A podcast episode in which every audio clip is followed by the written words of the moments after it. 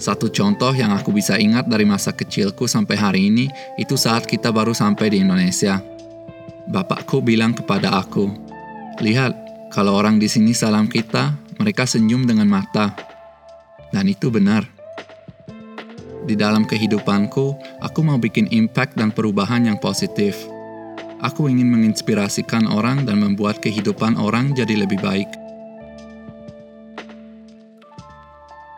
Welcome to Good Talk, where we listen to raw stories of life journey. Podcast ini mengajak siapa pun mendengarkan dari perspektif yang tidak biasa, perihal perasaan, perjalanan, harapan, dan pembelajaran. Apabila kamu merasa cerita yang didengarkan layak untuk dibagikan, jangan lupa untuk membagikannya, because it may lead to a good talk. Selamat mendengarkan. Hai, namaku Aladin. Aku berasal dari Swiss dan datang ke Indonesia pada akhir tahun 2020. Saat ini, aku tinggal di kota Denpasar, Bali. Sebelumnya, aku sudah pernah tinggal di Bali sejak aku berusia 8 tahun. Bapak tiriku punya perusahaan perhiasan di Bali, sudah dari tahun 1983. Dan waktu aku umur 8 tahun, bapak dan ibuku memutuskan untuk pindah ke Bali sama aku. Di Bali, aku bersekolah di Bali International School di Sanur, yang sekarang namanya Bali Island School. Saat aku sampai di Bali, aku cuma bisa bahasa Swiss Jerman dan bahasa Jerman, dan karena bahasa utama di BIS adalah bahasa Inggris, aku harus belajar bahasa Inggris setiap hari biar aku bisa lanjut sekolah secepatnya. Karena di masa kecilku, kebanyakan temanku orang Bali, aku juga belajar bahasa Bali dan bahasa Indonesia. Di masa kecil, kita bisa belajar dengan lebih cepat. Dari situ aku bisa bahasa Indonesia. Setelah itu, aku pernah bolak-balik beberapa kali ke negara asalku untuk bekerja, dan sekarang aku menetap di Bali untuk selamanya. Sebagai tempat tinggal, aku lebih memilih Indonesia daripada Swiss karena banyak alasan. Tidak cuma karena makanannya di sini menurut aku lebih enak dan aku suka pedas, tapi juga karena di sini cuma ada dua musim, musim panas dan musim hujan. Yang paling aku suka di sini adalah mentalitas dari orang Indonesia yang sangat senang. Satu contoh yang aku bisa ingat dari masa kecilku sampai hari ini itu saat kita baru sampai di Indonesia. Bapakku bilang kepada aku, "Lihat, kalau orang di sini salam kita, mereka senyum dengan mata." Dan itu benar. Aku sangat beruntung bapakku bawa aku ke sini saat aku masih kecil dan aku dapat mengalami keindahan Bali dan Indonesia di masa kecilku. Itu benar merubah hidup dan pikiranku saat itu. Mungkin karena itu aku menjadi berbeda daripada orang Swiss yang biasanya dan jadi lebih seperti orang Indonesia. Kalau aku suatu hari punya anak, aku mau besarkan anakku di sini juga Aku sudah tahu itu dengan pasti.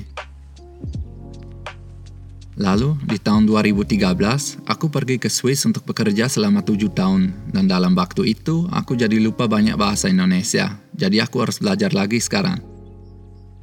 Mohon maaf sebelumnya kalau ada perkataanku yang salah. Di Swiss, aku tidak punya pekerjaan hanya satu, tapi banyak pekerjaan yang berbeda. Aku pernah kerja sebagai gardener, kerja di pabrik recycling laptop dan TV, dan juga pernah menjadi sopir taksi untuk cukup lama.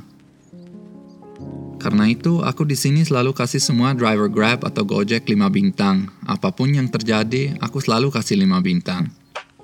Karena aku tahu situasi mereka seperti apa. Selama aku bekerja di Swiss, aku punya lifestyle yang sangat frugal, dan aku adalah seorang minimalist. Aku tinggal di dalam satu kamar dan aku cuma punya hal yang aku benar perlukan dan pakai. Itu tidak berarti aku punya sedikit, tapi semuanya yang aku miliki harus ada gunanya, atau aku menjual barangnya dan jadiin uang yang aku bisa investasi di tempat yang lebih berguna. Aku tahu semua yang aku miliki, dan aku sangat organized. Bukan karena aku perfectionist, tapi karena itu membuat aku lebih efisien.